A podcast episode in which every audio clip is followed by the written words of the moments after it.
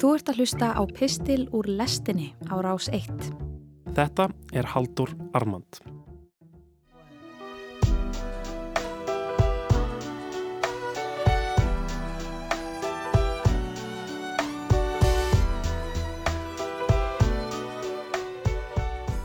Vinkona mín fekk einu sinni jólabónus í vinnunni sinni á formi gafakorts í tiltekna verslun. Þegar hún spurði hvort hún mætti ekki frekar fá peningin var svarið Jújú, það er ekkert mál en þá þartu að borga skatt á honum. Viltu það?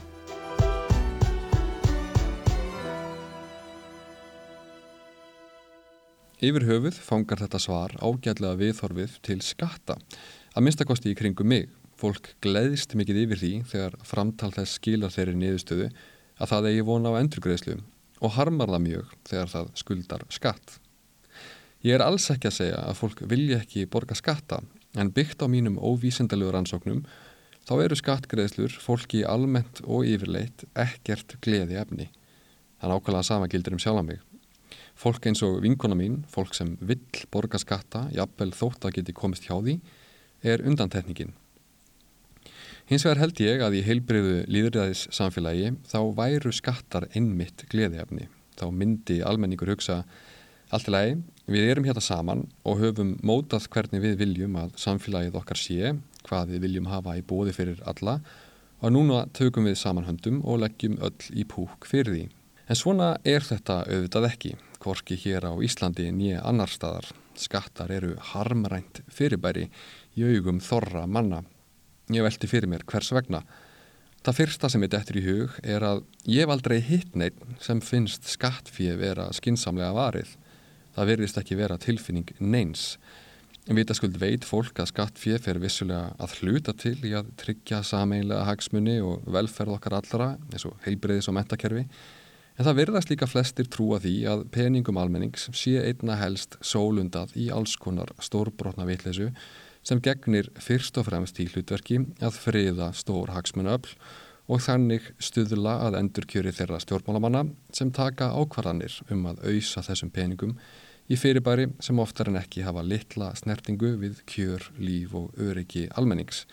Svo ekki sé minnst á það hvernig ríkisvaldir tryggir að valdir aðilar og fyrirtæki fái að merk sjúa almenning eftir öðrum leiðum, til dæmis með niðurgreðslum, styrkjum, afskriftum gegnum bankakerfið, skattaafslætti og pólitíst útlutuðum engalefum og gæðum.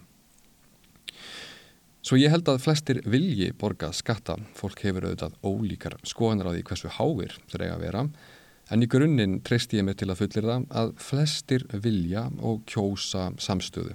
Þeir vilja leggja í púk og búa sameiginlega til kerfi sem tryggir að allir, óháð efnahag og þjóðflagstöðu, hafi aðgangað tiltekinni þjónustu og séu öryggir. Við viljum tryggja það að börn þeirra sem eiga lítið millir handana hafi aðgangað góðri heilbreyðstjónustu og mentun. Er það ekki? Er einhver í alvörunni á móti því? Vill einhver í alvörunni ekki taka þátt í slíkum? Á sama tíma finnst þorramanna ekki ánægilegt að borga skatt. En þetta er engin mótsögn. Þvert á móti sínir það að fólki er svo sannarlega ekki sama um það hvernig peningum þess er varið. Sumulegis held ég að það hljóti að hafa áhrif á viðþorf fólks til skattheimtu og ríkisfjármála að vennilegri mannesku líður náttúrulega aldrei eins og hún geti haft eitthvað um það að segja hvers konar ákvarðanir eru teknar í því samfélagi sem hún lifir í. Þannig er það hins vegar að nafninu til í líðræðisríkjum Líðræði er stjórnafar þar sem almenningur hefur úrslitavald í stjórnafarsefnum og einstaklingar eiga að hafa rétt og aðstöðu til þess að hafa áhrif á samfélagslega málefni. Í teóriinni er þetta alveg rétt. Það er alveg hægt að skrifa Facebook status um það hvernig manni finnst að samfélagið eigi að vera en í praktík hefur venjulegur borgari nákvæmlega engin áhrif á það hvernig samfélagi hans er stýrt. Á Íslandi vega atkvæði fólks ekki einu svona jamt sem er auðvitað algjörlega lígilegt ef maður tekur eitthvað alvarlega sem sagt hefur verið um intak og gildi líðræðis í aldanar ás. Og það verðist engin mannlegur máttur geta breytti eða sett af stað einhverja alvöru umræðu um það. Hagsmunirnir eru einfallega of sterkir. Hvað kostningar varðar þá er hér blásið í lúðra á fjögur ára fresti til að bóða kjósendur á kjörfund til að taka þátt í fullkomlega óskýru ferli sem nákvæmlega engin leið er til að vita hvað þýðir í raun og veru eða hvaða afleðingar það hefur. En það komast stjórnmálaflokkar, hagsmunna samtök pólitíkusa, upp með að neyta að upplýsa kjósendur um áform sín eftir kostningar. Þú basically kýst og svo gerist bara eitthvað og þá er hlutverkið þínu lokið næstu fjögur árin. Eins og þessi sama vinkona mín, þessi sem nýtur þess að borga skatta, segir Þetta er eins og að snúa flöskunni í flöskustút. Sjálfur hef ég núna tekið þátt í nokkrum kostningum, nú á morgum, til að vita að valkostyrnir eru aldrei skýrir. Heldur ávalt endurómur af hennu sama. Íslenskar kostningar eru í nótskurn nokkrir flokkar sem ætla allir að forgangsraða í þái fjölskyldna. Stóru spurningunum er skipulega haldið frá borðinu. Traust til alþingis mælis líka afarlátt og hefur gert það allar götur frá efnaðshrunni eins og margóft hefur verið bent á hér. Ég held að þetta sé mjög alvarlegt mál en það gefur þetta vantraust til kynna að almenningur treysti ekki samfélagi sínu. Það er að segja treysti ekki þeim sem þykja frá honum völd til þess að fara vel með þau. Það hjálpar ekki til að íslenskir ráðamenn virðast nokkuð samstíga í þeirri sannfæringu sinni að það sé ekki þeirra hlutverk að leiða með fordæmi. Allir vita að það er einlega ekki til neitt sem heitir ábyrð í íslenskum stjórnmálum og það er raunverulega ástæðan fyrir því að tveir læknar og lauruglumadur hafa stýrt landinu í margar vikur.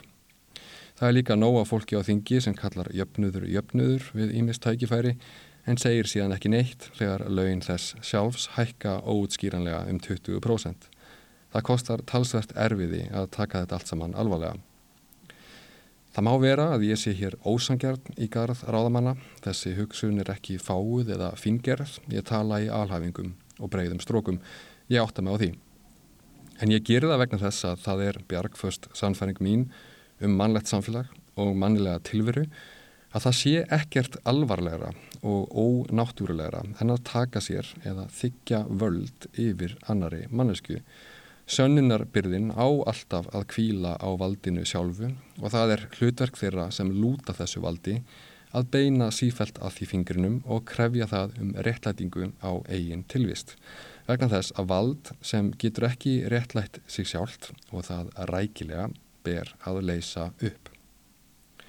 Nú riðar hagkerfið til fals og þá er tækifæri, eða mér likur við að segja að það sé nöðsynlegt, að velta því aðeins fyrir sér hvers konar samfélagi við viljum búa í þegar það rýsa aftur upp. Ekki bara hér á Íslandi auðvitað, heldur allstaðar. Meiri háttar hagsmunuöfl vinna nú að því að sjá til þess að hagkerfið sem rýsu upp verði nákvæmlega eins og það var. Nákvæmlega eins og það var fyrir efnagsrunnið 2008, nákvæmlega eins og það var eftir efnagsrunnið 2008, nákvæmlega eins og það var fyrir COVID-veruna og mögulega ef þau fá að ráða, nákvæmlega eins og það verður eftir hana. Þetta er hagkerfi þar sem þorri manna til dæmis í fámennu landi gríðarlegra auðlinda og auðafa eins og hér þarf að lifa frá mánuði til mánadar, frá launatekka til launatekka. Þetta er hagkerfi Þar sem stór fyrirtæki sem treysta á erlend lálunafólk greiða sér út miljarda til eigenda sinna ár eftir ár en fá síðan ríkisaðstóð um leið og harnar í ári, bókstaflega samdægurs, eitthvað sem venlegt fólk getur aldrei látið sig dreyma um. Þetta er í grófum dráttum stóra leksja 2001. aldarinnar til þessa. Venjulegt fólk þarf að spara pening til þess að hafa einhverjar varnir gegn ómæntum áföllum. Stórfyrirtæki þurfa hins vegar ekki að gera það. Það er ekki eins og þetta sé náttúrulegumál, það er ekki eins og þetta þurfi að vera svona, heldur er þetta afleðingstefnu og hugmyndafræði, þetta er ákvörðun. Hvað er samfélag? Hvað býr í einsta eðli hverjar mannesku? Af hverju búum við saman? Kanski er frumspeki ekki tilgangslaus eða úrelt eftir allt saman. Þú varst að hlusta á Haldur Armand, nýr pistill frá Halduri, hljómar á hverjum þriðu degim í lestinni á Rás 1. Ef þú fílaðir þennan pistil og vilt heyra meira, getur gerst áskrifandi að lestinni hér í hlaðvarpsappinu þínu. 1 fyrir forveitna.